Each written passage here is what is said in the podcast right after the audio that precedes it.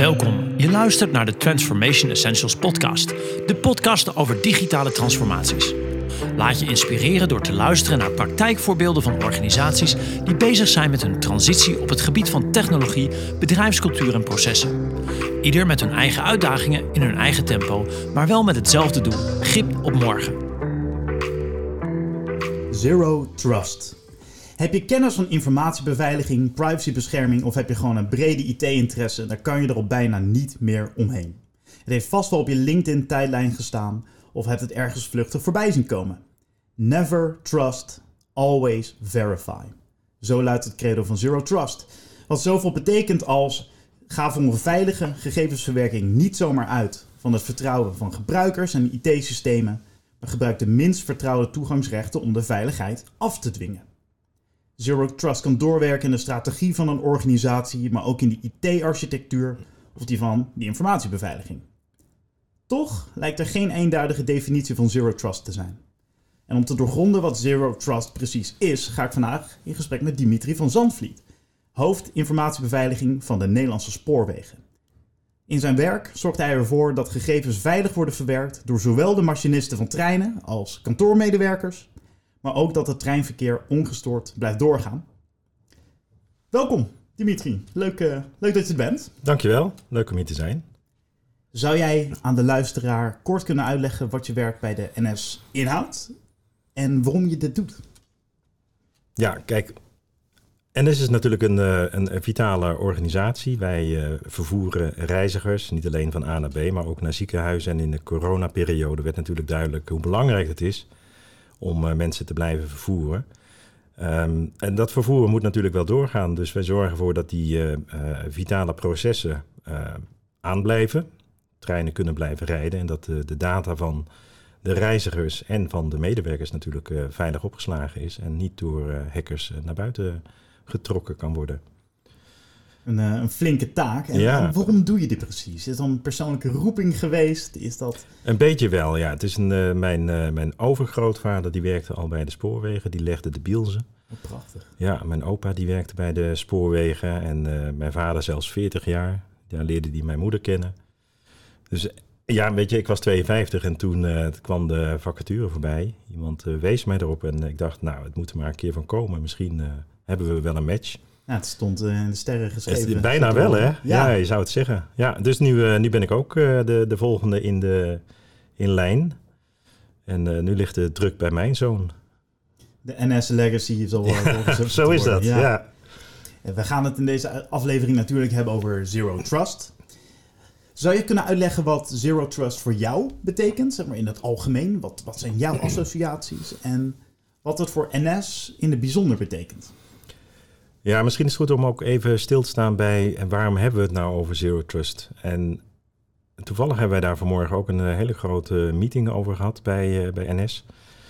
En als je kijkt naar de, de ontstaansgeschiedenis van, uh, van spoorwegen, laat ik maar even op spoorwegen specifiek maken. Dan zag je dat 1839 dat de, de treinen gingen rijden, de, de stoomtreinen. En die reden natuurlijk uh, met een grote ketel uh, voorop. En uh, daar kon je een kanonskogel doorschieten. En dan had je eigenlijk een denial of service. En, ja, gezegd. Ja. ja. dat was eigenlijk de eerste DOS-aanval, noemden we dat zo vanmorgen. En ehm, toen, toen gingen we andere ja, diesel rijden en, en uiteindelijk groen, hè, elektrisch. En in de tussentijd zag je natuurlijk allerlei signaleringssystemen komen. En gingen we over de grenzen data met elkaar uitwisselen. boordwalverbindingen kwamen op en al die verkeersposten, die verkeersleidingen waar uh, mijn vader onder andere werkte, die, uh, die werden centraal gezet. Dus daar kwam heel veel automatisering door de jaren heen. Het werd allemaal in een datacenter gezet. Daar werd een grote firewall uh, voorgezet. En dat was veilig. Hè? Dus je kon, als je eenmaal door de firewall heen was, dan, dan was je binnen. En dan, dan was het veilig. En toen kwam SaaS en toen kwam cloud en toen kwam corona, gingen we thuiswerken. En toen zagen we eigenlijk dat die, die slotgracht en die, die ophaalbrug, dat die overal uh, te vinden is nu. Dus die parameter, hè, het, uh, het aanvalsoppervlak van, uh, van spoorwegen, maar eigenlijk van alle bedrijven wel, dat is enorm verschoven naar, naar de cloud. En het zit overal. Dus je bent eigenlijk op heel veel punten nu kwetsbaar. En dat vergt eigenlijk dat je anders na moet gaan denken over hoe je, hoe je binnenkomt. En dan heb je ook nog de taak om zowel het operationele technische gedeelte, het OT, en het IT-stuk daar te verbinden. Dat komt Ja. allebei eh, mooi terug in jouw wereld. Eh, heb je daar misschien een mooi, een mooi voorbeeld van of zo? Van hoe je beide domeinen moet beveiligen? Ja, voorbeelden erover. Wat eh, een, een, een, een voorbeeld in de toekomst is, waar je natuurlijk ook goed risicoanalyse op moet doen, is ERTMS. Dus de European Rail and Traffic Management Systeem. En ehm, wat je daar gaat zien is dat. Kijk, we willen steeds eh, meer reizigers gaan vervoeren. Is eigenlijk ook de opdracht. Eh, in, in 2030 eh, zullen we echt flink wat meer vervoer gaan organiseren. En dat moet natuurlijk wel in, ja, die, die treinen kun je niet hoger maken of breder. Hè, dan botsen ze tegen de stations en de bruggen. En, en, dus er moeten meer treinen achter elkaar komen en die moet je gaan interlokken. Dus je moet eh, zorgen dat die, eh, die massa's, eh, die volumes, die toenames met reizigers, dat die geautomatiseerd ook plaats kunnen vinden. En straks ga je met ERTMS een deel in de trein krijgen, waarbij de machinist geholpen wordt op tijd te vertrekken en te stoppen. Maar dan echt ook heel erg op tijd. En dan heb je aan de, aan de walkant natuurlijk allerlei signaleringssystemen. Daar heb je natuurlijk eh, grote computeralgoritmes die, eh, die kijken naar de, de, de, bijsturing, de besturing van de, de systemen. We gaan straks ook in de treinen natuurlijk eh, onderhouds-AI en algoritmes zien die kijken naar slijtage en dergelijke, zodat we het onderhoud goed efficiënt in kunnen plannen. En dat zijn allemaal voorbeelden waarbij OT en IT bij elkaar komen. Klinkt ook bijna alsof de trein dan een soort rijdend datacenter is. Die Ja. communiceert met heel veel verschillende dingen. En dan security als fundament. Als ik, eh, als ik zo een beetje mag invullen voor jou. Ja, niet alleen ja, cybersecurity bedoel je misschien, maar security is natuurlijk al een fundament hè, bij, eh, bij NS. We rijden 183 jaar treinen Mhm. en eh, de spoorwegveiligheid, de, de, de, alles in en op en rondom de trein is natuurlijk onderhevig aan allerlei controles, fysieke controle, sociale controle. Eh, dus die, die, dat hele veiligheidsdenken, dat zit wel in, het, eh, in de organisatie. En zo'n 10, 15 jaar geleden begonnen we steeds meer te digitaliseren en ook de risico's daarvan te, te ondervinden. Ja, toen zag je natuurlijk wel dat ook eh, cyberveiligheid ja, een nieuw domein aan het worden is. En dat is nu enorm aan het versnellen. En ja, wij, wij, zien het echt als het, het nieuwe, ja, hoe noem je dat? Nieuwe, nieuwe lood aan de stam. Van alle veiligheidsdomeinen. We hebben de verschillende. Arbeidsveiligheid, eh, voedselveiligheid, eh, sociale veiligheid, eh, brandveiligheid, noem het maar op. En cyberveiligheid is ja, de laatste en de, de nieuwste. En wat mij betreft ook de meest spannende natuurlijk. Dat snap ik. Ja.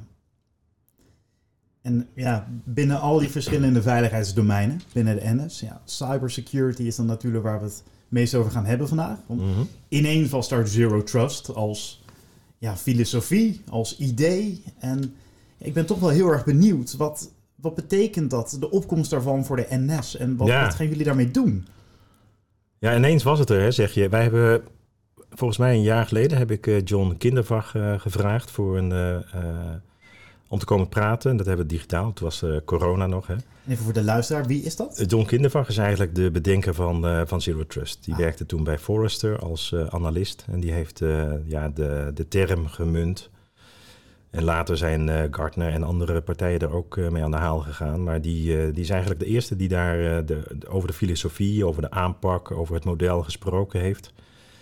En wat ik hem toen zei is van, als je nou eh, 183 jaar terugkijkt, dan, dan gingen we trein rijden en de boeren die waren bang dat de koeien zure melk gingen geven. En eh, de, de artsen waren bang dat mensen hersenbeschadiging kregen omdat die treinen te snel gingen optrekken.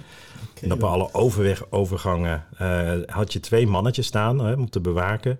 Eigenlijk kun je wel zeggen dat Zero Trust door ons eh, bedacht is. Ja, Ja, en toen zei hij, ja, dat is wel een goeie zeg, want mijn, mijn, mijn vrouw, nee, mijn moeder, mijn moeder is Nederlandse, zei hij. Ja, hij zei dus, ik, ik zal het waarschijnlijk wel van haar hebben. Het zat al in zijn DNA. Het zit al- uiteindelijk het- ja. een artikel over Zero Trust. Ja, precies. Dus uiteindelijk eh, is, is Zero Trust is een eh, concept, dat zeg je al, hè? het is een filosofie.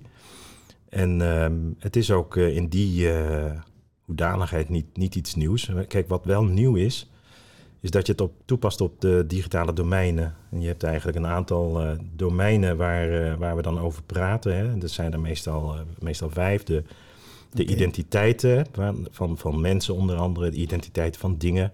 En straks ook de identiteit van functies. Die moet je goed beschrijven. Je moet die rechten heel goed uh, afgeven. Ja, dus wie wanneer toegang heeft tot wat en waarom. Ja, precies. Okay. En hoe lang hè, bijvoorbeeld en vanaf waar.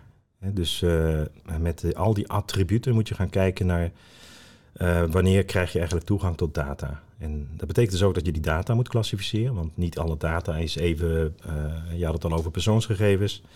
Je hebt natuurlijk zaken die heel vertrouwelijk zijn, je hebt zaken die heel beschikbaar moeten zijn, zaken die integer moeten blijven.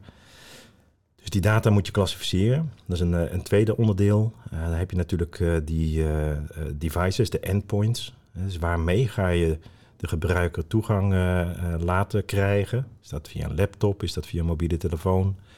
Kunnen ook machine-to-machine -machine koppelingen zijn. Um, dus daar, daar moet je over nadenken. Hè? Wat voor detectie- en responsmechanismes ga je daar opzetten? Mm -hmm. En je hebt natuurlijk het netwerk. De, de, we noemen het, het landschap noemen we dat eigenlijk. Dus uh, hoe ga je, via welke kanalen ga je dat, uh, die toegang verschaffen? Uh, doe je dat via oude MPLS-netwerken? Doe je dat via het internet? er zijn natuurlijk verschillende smaken mogelijk. En het idee daarbij is natuurlijk dat je de netwerken een beetje gaat segmenteren. Dat je de, de toegang gaat beperken. Dus als je eenmaal in een land zit, dat je niet meer overal bij kunt. En eigenlijk is de applicatie workload de laatste pijler. En, en al die vijf, samen met zeg maar de analyse erop, het stukje governance en het stukje hoe ga je het nou automatiseren en orchestreren. Dat is wat mij betreft uh, Zero Trust. Dus een, het is een heel groot bolwerk, een raamwerk eigenlijk van, van functies en aandachtsgebieden die, die in samenhang gaan zorgen voor ja, wat jij zei, hè, never trust, always verify. Prachtige uitleg. Is er een van die, van die pijlers waarvan je zegt, nou dat is echt een hele, hele belangrijke voor de, voor de NS? Ze zijn allemaal even belangrijk, ja. En als je de een doet en de rest niet, dan uh, sla je de plank uh, volstrekt mis. Dus als je, als je bijvoorbeeld, uh, we hebben natuurlijk heel veel stations, 400 geloof ik. ik ben anderhalf jaar in dienst, moet ook nog heel veel cijfers leren. Maar we hebben natuurlijk heel veel kabels. overal door Nederland lopen ook heel veel systemen, verschillende datacenters. Uh, dus als wij uh, op het netwerk zouden focussen, dan zouden we een dagtaak hebben. Uh, en dat doen we natuurlijk ook. Maar als je dan vergeet om de, de role-based access, hè, de toegang op basis van rollen uit te mm -hmm. geven. Wie mag toegang Ja, dan sla je de plank mee, mis. En als je dan ook nog eens vergeet om bijvoorbeeld de endpoints goed af te zekeren, dan kun je met een besmet endpoint de, het datacenter gaan infecteren. Dus je moet eigenlijk die, die vijf pilaren in samenhang brengen. En uh, dat moet je niet alles, dat gaat natuurlijk niet in één keer. Het is belangrijk om, een, om kleine stapjes te beginnen. En dan die vijf pilaren, die vijf aandachtsgebieden, wel alle vijf in één keer op een klein domein uh, gaan proberen. En dan daar vandaan steeds verder groeien. Is dit dan nu ook onderdeel van de algehele security-strategie van de NS? Ja, zeker. Ja. De, de, het klein beginnen, steeds wat meer en uiteindelijk dan zero trust. Uh, in richting toewerken. Op dit, uh, ja, wat Zero Trust betreft zeker. Ja, nee, er zijn natuurlijk andere domeinen waarbij Uiteraard. je gewoon snelheid uh, kunt maken. Zeker bij het ontwikkelen van nieuwe applicaties. Hè, dat doe je agile, dat doe je met uh, MVP's, dus dat gaat een stuk sneller. Maar dit, hier heb je natuurlijk legacy, je hebt oude MPLS-netwerken. Je hebt oude systemen die je eigenlijk nog niet met Zero Trust kunt ontsluiten. Dus daar had ik het al over. Ook die applicatielaag, die moet je natuurlijk met, met Caspi, met SASI ontsluiten. Ja, dus uh, de, de Cloud Access uh, Security Brokers, CASPI, ja. uh, is een mechanisme om ja, eigenlijk die, die, die policies die je hebt over wie mag wanneer naar bepaalde data, om die policy te enforcen, af te dwingen op het moment dat je naar binnen gaat om die data te bekijken. En is de grote opkomst van cloud, de afgelopen vijf jaar laten we zeggen, is dat heel snel gegaan. Is dat dan ook iets wat implementatie van Zero Trust makkelijker maakt? Makkelijker. Nee, eigenlijk niet. Eigenlijk is dat een deel van, de, van het probleem natuurlijk. Hè? Die grote verclouding en de versazing. En je ziet natuurlijk heel veel uh, shadow cloud inmiddels. En alle, zeker als je een heel groot bedrijf bent, dan gaan ze allemaal maar in de, in de kruiwagen houden, die kikkers. Dus die, uh, die gaan zelf een stukje cloud. en, en ook de, de, developers. De ene wil Miro, de andere die wil Slack. En weet je, voor het weet zit je weer in, uh, in een cloud-omgeving te werken met eigen credentials, met eigen, of misschien zelfs met bedrijfscredentials. Ja, als dat niet veilig is, dan worden die gestolen. Als die dan eh, opnieuw eh, hergebruikt worden in een brute force attack, dan, eh, ja, dan ben je de pisang. Dus nee, het, het, de hele cloud-ontwikkeling heeft het alleen maar versneld. En we zijn denk ik een klein beetje vergeten om een goede cyberstrategie daar op toe te passen. Dus we komen een beetje op ons retour, niet NS, hè, maar eigenlijk in het algemeen. Dat is ook de reden dat er zoveel aandacht is nu voor Zero Trust. Biden heeft het, uh, heeft het gewoon verplicht gesteld, ook uh, voor hun vitale infrastructuur. Ja, en ik denk dat we deze kant in Europa ook wel uitgaan. Ja, want als we het hebben over die vitale infrastructuur, we hadden eerst de, de NIS 1. uit mijn hoofd, volgens mij gaat het dan over Network and Information Systems. Het is een mhm. richtlijn. Ja. En iedere lidstaat binnen Europa moest dan zijn eigen nou, implementatie maken en kijken wat voor vereisten voor informatiebeveiliging er gesteld moeten worden aan de vitale infrastructuur dan weer in Nederland. Nou, daar hadden we de WBNI voor, de Wet Beveiliging Netwerk en Informatiesystemen. Inmiddels komt, uh, of is, die NIS 2 er, weer met extra maatregelen. Nou, ja, NS als onderdeel van de vitale infrastructuur, is dit dan het moment om net zoals met Amerika en Biden dit juist echt wel te zien als een moedje van hey, dit is wel echt het moment om aan de slag te gaan met Zero Trust? Nou, dat is wel, je moet wel denk ik het uh, verschil goed zien in de, tussen de NIS, uh, de eerste NIS en de, de NIS 2. De NIS in Nederland, de WBNI, hè, de Wet Beveiliging Netwerk Informatiesystemen, die is uh, voor alle vitale bedrijven, organisaties toepasbaar en mhm. verplicht natuurlijk. en, en de bedrijven die aangewezen waren als AED, de aanbieder essentiële dienst, uh, NS was dat 23 eh, december 2021. Toen was ik net binnen. Um, die moeten daaraan voldoen. Die moeten aan de NIS-wetgeving voldoen. En als je daar al aan voldoet, dan zal de NIS-2-wetgeving niet zo heel veel uh, effect hebben. Buiten dan dat de bestuurder persoonlijk aansprakelijk wordt. Dat je iets meer systemen onder de NIS, onder de risicobeheersing moet gaan brengen. dat je waarschijnlijk wat meer controls krijgt. Maar per saldo, kijk, je moet al een cybersecurity management systeem hebben. Dus als je dat niet hebt, dan voldeed je al niet aan de NIS-directive. Maar het is met name belangrijk voor de, de, de, de aanleverende kant, voor de ketens. Dus als je, hè, dat, dat zien we nu natuurlijk ook in de waterschappen, in de, bij de telefonie, bij, ook bij de, bij de spoorwegen. Je kunt als bedrijf kun je natuurlijk uh, alles voor elkaar hebben, maar de keten is zo sterk als de zwakste schakel is het. Hè? En ja, als je dan een leverancier hebt, dat zag je met Casea, dat zag je met, uh, nou ja, de, noem ze hem allemaal maar op. Ehm, waar, waar zeg maar problemen in de software zitten die jij uh, in, je, in je LAN hebt zitten, in je datacenter, dan ga je nog steeds uh, de Pieterbrug op. Dan zal het misschien niet zo'n groot effect hebben, maar dan... Uh, dus je moet zorgen dat die hele keten waarin je werkzaam bent ook veilig is. En daar gaat de NIS 2 wel bij helpen. Dus belangrijke organisaties noemen ze dat dan. dus niet alleen vitaal, maar ook belangrijk voor vitaal. Die, die moeten er ook aan gaan voldoen. En wat mij betreft, het werd een keertje tijd. Ja. ja. En je had het net over de vijf pijlers waar, waar je mee aan de slag zou kunnen over Zero Trust. Eigenlijk nog een zesde, misschien wel de keten dan erbij. Omdat die ook een bepaalde mate van vertrouwelijkheid moeten kunnen bieden. Ja, zeker. Ja, die, die, die moet je eigenlijk ook integraal wel in die vijf terugvinden uh, hoor. Als je kijkt, want ook bijvoorbeeld, okay. uh, ik had het al over identities. En je leveranciers krijgen natuurlijk ook een identiteit als het goed is. Ja, dat kan een provider identity zijn met een, een one-time password voor een beperkte tijd bijvoorbeeld. dus die, die, die ketenafhankelijkheid die vind je ook al wat terug in je, in je software, in je S-bombs en dergelijke. Maar het is wel een, ja, een domein wat onderschat wordt. Als je dat ook bedoelt, dan, dan ben ik het daar zeker mee eens. Als je de keten niet goed op orde hebt, dan ja, kun je heel erg navelstaar. Maar dan wordt het toch wel lastig om de zaak droog te houden. Breekt die. Breekt ja, precies. We hadden net even kort over cloud. Nou, waar ik ook wel heel erg benieuwd naar ben. Daar tegenover heb je natuurlijk legacy systemen. Ik denk dat iedere organisatie die wel heeft, waar het vaak ook moeilijk kan zijn om daar met nieuwe filosofieën aan de slag in te gaan. Dus het implementeren van een zero trust, ik kan me voorstellen dat dat niet werkt voor alles wat er nu speelt binnen NS. Is dat iets waar jullie tegenaan lopen? Is dat iets uh, wat een obstakel kan zijn? Nou, en de vraag is even of dat je stelling klopt. want je kunt natuurlijk een, uh, een, een, oud systeem, uh, of dat nou een Vista is of een XP of een Windows 7. wij hebben natuurlijk ook werkplaatsen met allerlei pijpenbuigmachines en, en, en metaalbewerkingsmachines en, en CAD-CAM en zo. Soms zijn daar gewoon, uh, hè, zitten daar oude systemen op, maar die kun je netjes ringfencen. Die kun je in een apart uh, segment zetten in je netwerk bijvoorbeeld. En dan kun je nog steeds uh, Zero Trust toepassen. Je kunt ze ook gewoon helemaal airgappen en isoleren van de rest. Met andere manieren de updates erop zetten als die er nog zijn. Hè, want die hele oude systemen hebben vaak geen updates meer.